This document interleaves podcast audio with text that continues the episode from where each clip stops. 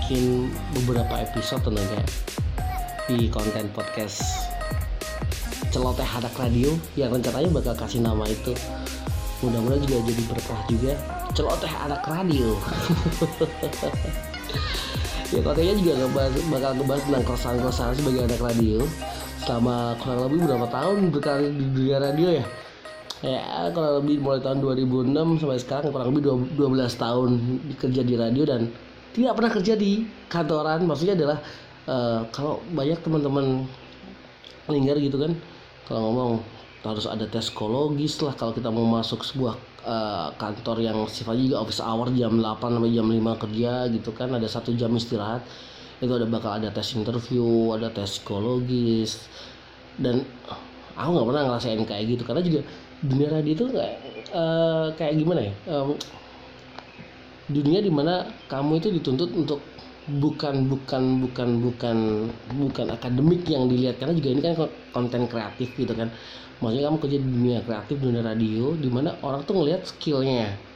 Ya skill di dunia, apa yang berkaitan dengan radio gitu kan. Misalnya kamu punya ke kekuatan di uh, produksi audio skillmu bagus oke. Okay.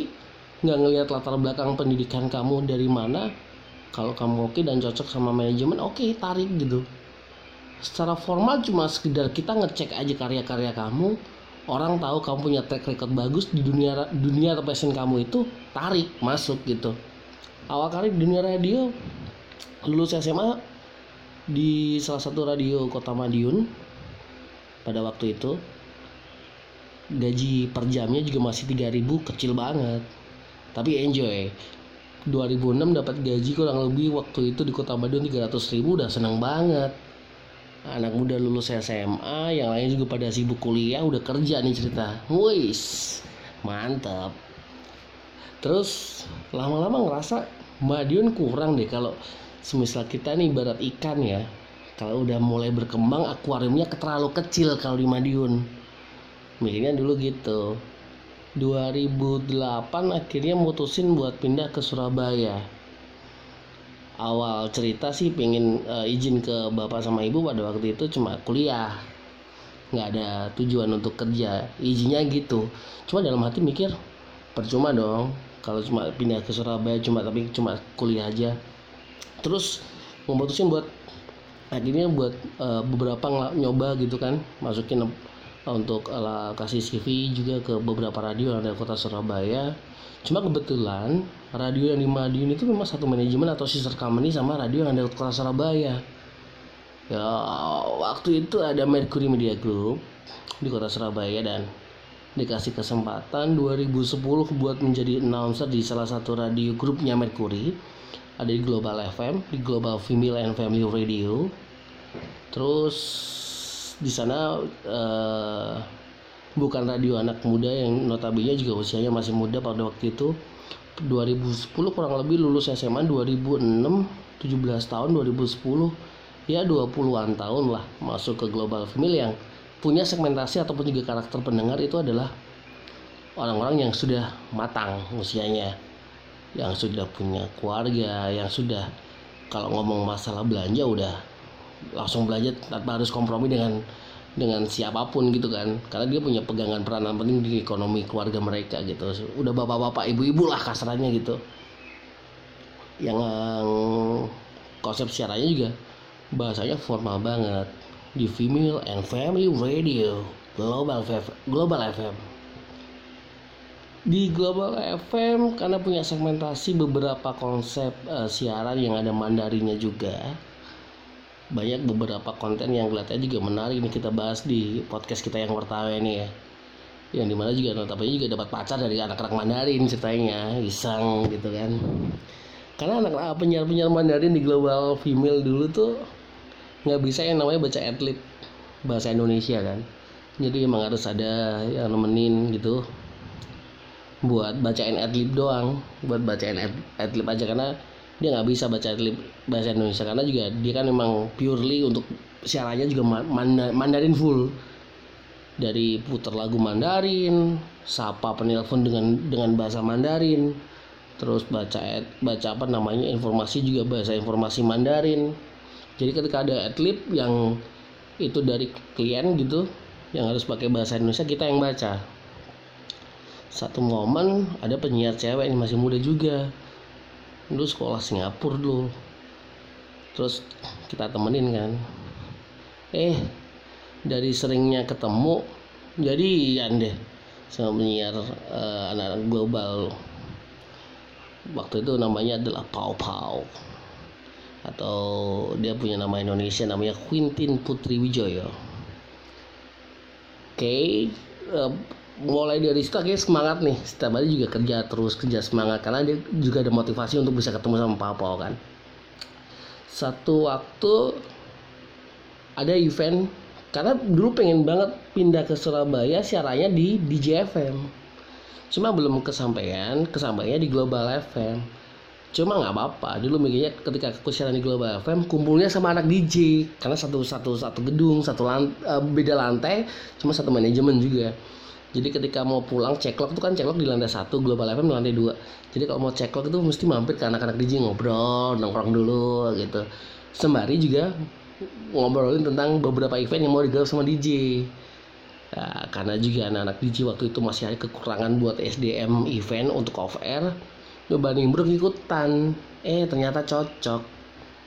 Sampai satu momen sering bantuin eventnya di JFM eh ketagihan nih terus-terusan nih. Kok banyak eventnya daripada siaran di global ya? Akhirnya mutusin buat cabut dari global tahun kurang lebih tahun 2013 kalau nggak 2014 2014 cabut dari global. Pindah lantai doang pindah lantai aja.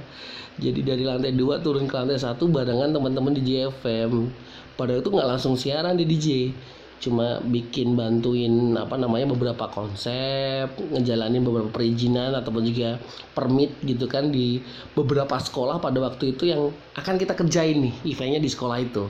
Bantuin perizinan perizinan sekolah gitu. Lama-lama karena banyaknya teman-teman di JFM pada waktu itu yang event promo divisi event promonya cabut gitu ke radio lain akhirnya kosong kan job job job job job, job dis untuk itu masuk. Masuk jadi job dis di event promonya di JFM singkat cerita akhirnya juga sering uh, bantuin uh, anak-anak promotion juga untuk bikin konsep dan proposal buat apply di klien untuk pitching cerita bahasanya gitu. Pitching tuh kayak uh, tender gitu di di Jakarta gitu. Satu momen juga akhirnya dapat kesempatan nih buat siaran sama partner siaran pagi. Pada waktu itu dapat siaran pagi di DJFM itu 2014 deh kalau nggak salah. 2014 akhir. Cuma enam bulan siaran di DJFM sama Abel. Abel itu Prawira. Jam 7 pagi. Halo Bel. Selamat selamat selamat apa nih? Pagi siang malam ya Bel. Kalau kamu lagi dengerin juga. Ya. Ininya juga enjoy. Itu awal kali di, di, di, di Surabaya masuk global DJ kenapa kok sebentar di DJ FM karena pada waktu itu mikirnya ada tawaran bagus nih baru enam bulan siaran di DJ ngefan banget sama doi ngefan banget sama orang ini nih yang ada di IBS FM namanya Kang Dini Saha. Tuh di Kang Dini Saha itu di situ adalah impian tuh. Dari di DJ FM tuh banyak cerita banget tentang DJ apa namanya tentang Kang Denny kalau kamu ikut kerja Kang Denny atau masuk timnya Kang Denny wah keren gitu kan. Mantep deh pokoknya. Terus satu momen panggil sama Kang Denny untuk siaran di BS Siaran di BS FM sama Nano partner Duo Kepo Show. Duo Kepo waktu itu namanya masih belum Duo Kepo Show nama programnya. Nama programnya masih Berisik Time. Enjoy siaran bareng Nano di sore program sore. Nah di IBS juga ada yang lucu dan menarik. Baru siaran satu tahun sama Nano di IBS FM tiba-tiba Kang Denny bilang ada radio nih yang keren gitu kan. Mau nggak pindah gitu kan. Jadi akhirnya kebongkar. Alasan kenapa kita pindah dari IBS FM ke M Radio nih akhirnya. Karena pada waktu itu ada tawaran yang lebih offeringnya lebih tinggi untuk secara materi ataupun juga uh, penawaran konsep konsep radionya konsep kreatif radionya. Di mana juga radio baru ini di M Radio ini yang dulunya punya konsep full music diganti dengan interaksi lagunya pun juga dulu awalnya Indonesia full 100% sekarang lebih universal. Lagi ada ada paduan antara barat dan Indonesia. Dan gara-gara itu ngelihat bangunannya juga kece. Kalau kamu belum pernah ngeliat atau mampir ke M Radio kamu lewat Ngagel Madia aja. Di kiri jalan kalau dari gereja Santa Maria tak bercela itu kiri jalan ada bangunan kontainer tinggi banget ada 24 kontainer itu adalah gedung dari M Radio. Nah di situ ngelihat pertama konsepnya keren. Wah ini teman-teman komunitas asik nih kalau kita ajak untuk bisa kolaborasi bikin sesuatu di sini. Yang dari dulu di BS konsepnya mantep banget. Cuma sayangnya kan di BS nggak ada tempat tuh. Teman-teman komunitas kalau bikin acara bingung nih kita mau cari uh, cari tempat di mana Nah, akhirnya kayak kayak dream come dream, come true gitu loh. Kalau misalnya di di M Radio yang sekarang menyajikan konsep tempat atau building yang bisa memfasilitasi tempat-tempat atau teman-teman dari komunitas untuk bikin event. Mantap tahun 2016 pindah ke M Radio sampai sekarang uh, beberapa momen sama teman-teman komunitas kita lakuin. Konsep seneng konsep kolaborasi tentunya bikin acara-acara gathering juga sama teman-teman bola juga pernah kita lakukan. Sampai diliput salah satu stasiun TV waktu itu sama Trans 7 event gathering bola kita sama teman-teman European Fans League tentunya klub IFL ya. Mudah-mudahan juga uh, kita bisa bikin lagi tahun ini cuma keresahannya sekarang kalau kita ngomong radio emang ya semakin tahun banyak orang yang sudah mulai meninggalkan atau mendengarkan radio secara konvensional. Ya gak sih? Jujur kalau kamu ditanya kapan terakhir dengerin radio pasti jawabannya pasti waduh pas di mobil tuh. Secara konvensional orang masih dengerin radio pada waktu perjalanan atau juga mobilitas. Dan itu pun juga harus naik mobil karena di, di mobil masih ada apa namanya uh, fasilitas radio konvensional di situ. Tapi kan kita mikir lagi secara konvensional berarti otomatis juga orang nggak dengerin radio di rumah dong. Dengerin tapi kebanyakan setelah kita tanya-tanya teman-teman tuh dengerinnya secara streaming di tempat kerja pun dia juga dengerin. Tapi buka website dari radio yang dia favoritkan sembari kerja dia sembari ngerjain gitu loh terus kapan dengerin radio terakhir? Pasti jawabannya di mobil. Kalau nggak gitu juga di kantor itu pun juga streaming. Bagaimana dengan radio secara konvensional? Sedangkan sekarang kita bergerak di konvensional kita ada pemancar. Terus dengan kemajuan teknologi yang cukup pesat, adanya gaya atau perubahan menikmati radio yang cukup cepat sekali perkembangan ataupun juga perubahannya. Yang akhirnya juga kadang-kadang kita berpikir masih lama nggak ya dunia radio ini, media massa radio itu masih lama nggak ya bertanya. Jawabannya juga ini balik lagi nih ke para konsumen atau juga pendengar radio. Seberapa penting radio dalam kehidupan kamu sekarang? kalau kita sebagai orang ataupun juga praktisinya di radio juga memberikan maksimal mungkin apa yang menjadi kebutuhan dari pendengar radio yang era sekarang ini di era digital kita nggak bisa berperang dengan beberapa konsep milenial.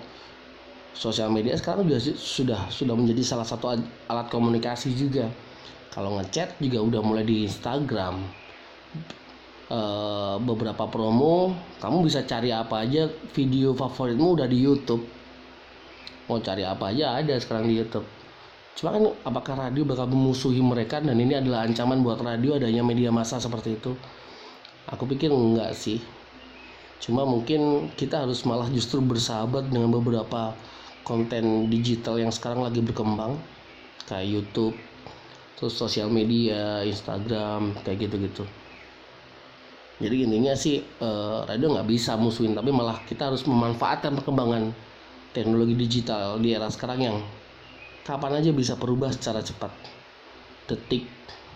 Jangan apa menit ya? Detik aja kita bisa bakal merasakan perubahan yang cukup cepat di dunia era digital sekarang ini. Terus beberapa hari ini juga ngelihat beberapa teman-teman praktisi di radio yang notabene juga baru menjadi racing star di dunia radio udah ngerasa kayak wah radio hal yang menyenangkan. Radio adalah hal sebagai salah satu alat untuk batu loncatan gitu kan. Ya tapi beberapa momen juga mental mental teman-teman racing star di dunia radio itu kayak kayak kayak kalau dibandingin zaman 2006 dulu waktu pertama kali terjun di dunia radio kayak mental mereka tuh kayak belum belum belum yang bener-bener fight fighting di passion mereka loh. Kalau kalau nggak tahu ya karena mungkin mereka dunia radio cuma sekedar ah mencari kesibukan ketika jam kosong. Atau mungkin juga memang benar-benar passion. Ya mudah-mudahan kita doain itu memang benar-benar passion gitu. Cuma kalau sekarang ngelihatnya mentalnya beberapa hari yang lalu kita lagi rekrut nih ceritanya beberapa penyiar. Emang benar-benar newbie banget racing star banget di dunia radio kan biasa kan ya namanya template untuk mencari sebuah karakter announcer di radio itu kan pasti yang namanya apa namanya training. Setelah tahap-tahap interview kemarin itu kan kita ada training tiga bulan yang di mana notabene nggak dibayar nih ya. Itu itu sebenarnya juga udah udah, udah berbayar karena juga kita memberikan satu pengalaman ataupun juga experience, gitu kan ke anak-anak baru ke racing star ini tentang ilmu bagaimana kamu tuh harus apa ya e, dibilang ini loh mentalnya harus dibikin kayak gini karakternya harus dibikin kayak ini. Di radio itu nggak nggak semudah apa yang oh penyiar radio cuma ngomong doang pasti bisa gampang. Enggak karena sekarang karakter announcer di radio itu harus jadi mixer apa namanya operator mixer audio juga kamu bakal pilih lagu yang harusnya memang ada formulanya lagunya nggak asal comot. Kayak gitu. Cuma sekarang ngeliat mental-mental anak-anak radio penyiar baru udah kayak wah kayak menggampangkan gitu terus beberapa momen juga ngelihat beberapa event yang notabene juga berkaitan dengan broadcast ya nah di mana juga pemilihan speaker atau juga narasumber di event broadcast itu juga kelihatan kayak asal comot karena mungkin masalah link aja ya. Karena aku kenal sama salah satu penyiar yang ada di radio itu. Akhirnya aku kenal ya aku ajak lah karena juga aku butuh karena juga aku konsepku angkat broadcast gitu kan. Dunia broadcast. Cuma harusnya juga teman-teman menggagas event tentang broadcast ini juga harus bisa filter dong. Kenapa? Karena juga ini berkaitan dengan harusnya radio itu lebih bisa disampaikan dengan orang-orang yang orang-orang yang punya kapabilitas di dunianya itu sudah lama. Kenapa? Karena pasti dia bakal membandingkan antara dunianya dia dulu sama dunia di era sekarang. Pasti perbedaannya bakal mencolok sekali bukannya Linggar ingin jadi narasumber enggak tapi teman-teman penggagas event juga harus mikir nggak asal coba karena kekuatan link doang karena kenalnya sama doi sama ses seseorang yang ada di radio A B atau C. Tapi notabene kenalan kamu ini nggak baru-baru baru banget di dunia radio. Baru aja di dunia radio. Terus takutnya dia cuma sekedar ngomong apa yang dia tahu selama di dunia radio. Iya kalau dia sudah dua tahun empat tahun dunia radio minimal dia punya pengalaman kalau baru satu tahun di dunia radio terus jadi speaker terus mau ngomong apa? Dia pernah tahu dia pernah ngerasain bagaimana dulu di era tahun 2006 kita belum ada WA belum ada lain cara kreatifnya gimana? Membungkus sebuah interaksi yang dulu itu penyiar-penyiar di era tahun apalagi juga sebelum tahun 2006 pasti lebih banyak. Karena 2006 aja dulu kita sempat baca yang namanya 500 SMS dulu masih SMS zaman Linggar dulu waktu zaman SMP kurang lebih tahun 90-an itu justru malah kita beli kertas request yang harganya 1000 baru yang baru kita bisa di play lagunya itu pun nggak langsung di play nunggu urutan beberapa tumpuk dari request-request sebelumnya. Nah pengalaman-pengalaman yang seperti itu yang nggak nggak didapat sama penyiar baru sekarang yang eh muncul-muncul dia jadi speaker, jadi narasumber. Ya ya buk pengalamannya sedikit. Jadi peserta seminar pun itu juga baru dapat pengalaman yang sedikit se seumur dia di radio. Nggak begitu banyak. Mentalnya juga mental mental baru dilatih tiga bulan udah ada yang resign lah. Katanya nggak worth it buat pengeluaran selama ini. Perjalanan dari rumah ke radio nggak dapat apa-apa kalau berangkat dari passion apa pun yang dilakuin ya nggak hitung-hitungan kali ya. Contoh nih kalau kamu punya hobi ataupun juga passion main bola. Ada temen yang ngajarin main bola sparingan. Masa mikir aku main bola sparring sama temen minta gaji berapa? Kan nggak mikir karena kamu ngelakuin hal yang kamu seneng gitu loh. Kalau mendengarnya dari passion mungkin kita nggak mikir sejauh itu yang akhirnya kan aja ketika ada orang yang tak yang agak keluh kesah tentang training yang nggak berbayar itu yang kadang-kadang mikir mentalnya kayak mental mental bu ya, kamu tuh emang bener-bener bukan berangkat dari passion loh kamu tuh berangkat dari ya oke okay lah oke okay. nggak maksudnya tahu kalau misalnya tujuannya kerja oke okay. Cuma kalau kerja yang dilandasi dengan passion apa yang menjadi favorit itu bakal lebih menyenangkan dibandingkan kamu benar-benar menerapkan radio itu sebagai pekerjaan. Tapi dari tahun 2006 sampai sekarang aku menganggap dunia radio ini adalah sebuah permainan yang emang seneng enak banget kalau dimainin gitu loh. Jadi pekerjaan yang paling menyenangkan kalau kata Kufar Hilman pada waktu uh, di sharing sessionnya dia mengatakan bahwa pekerjaan yang menyenangkan adalah hobi yang dibayar. That's it. Itu udah cukup gitu loh. Kamu melakukan hal yang kamu senengin kamu melakukan apa yang menjadi favoritmu terus kamu dikasih duit loh. Itu nggak ada pekerjaan lain yang ngalahin itu. Nggak ada pekerjaan lain yang ngalahin itu. Karena hobi yang pal pekerjaan yang paling enak adalah hobi yang dibayar. Itu. Kalau kita berangkatnya sama-sama dari situ pasti enak nih mental udah mulai dari mulai dari basic udah ditanam. Dan dunia radio itu dunia yang menjadi passionku. Yang menjadi favoritku. Nggak ada hitung-hitungan. Hitung-hitungan itu bakal ngikut. Hitung-hitungan tuh bakal ngikut. Racing star. Kamu belum punya skill. Iya nggak sih? Kalau ini pasti diokein deh kalau sama orang-orang yang di dunia radio yang lama apalagi juga lebih lama daripada Linggar lebih senior-senior gitu kan. Pasti ngomong iya betul. Pasti ngomong iya gitu. Dan kadang-kadang apalagi mereka tahu dengan karakter racing star anak-anak radio di zaman sekarang yang notabene baru tiga bulan training aja udah ngeluh lah udah apalah ya kalau emang ini kamu beranggapan dunia itu adalah hal apa namanya menjadi satu pekerjaan aku sih jawabannya lebih baik kamu kerja kantoran. Kalau anggapannya radio adalah suatu pekerjaan.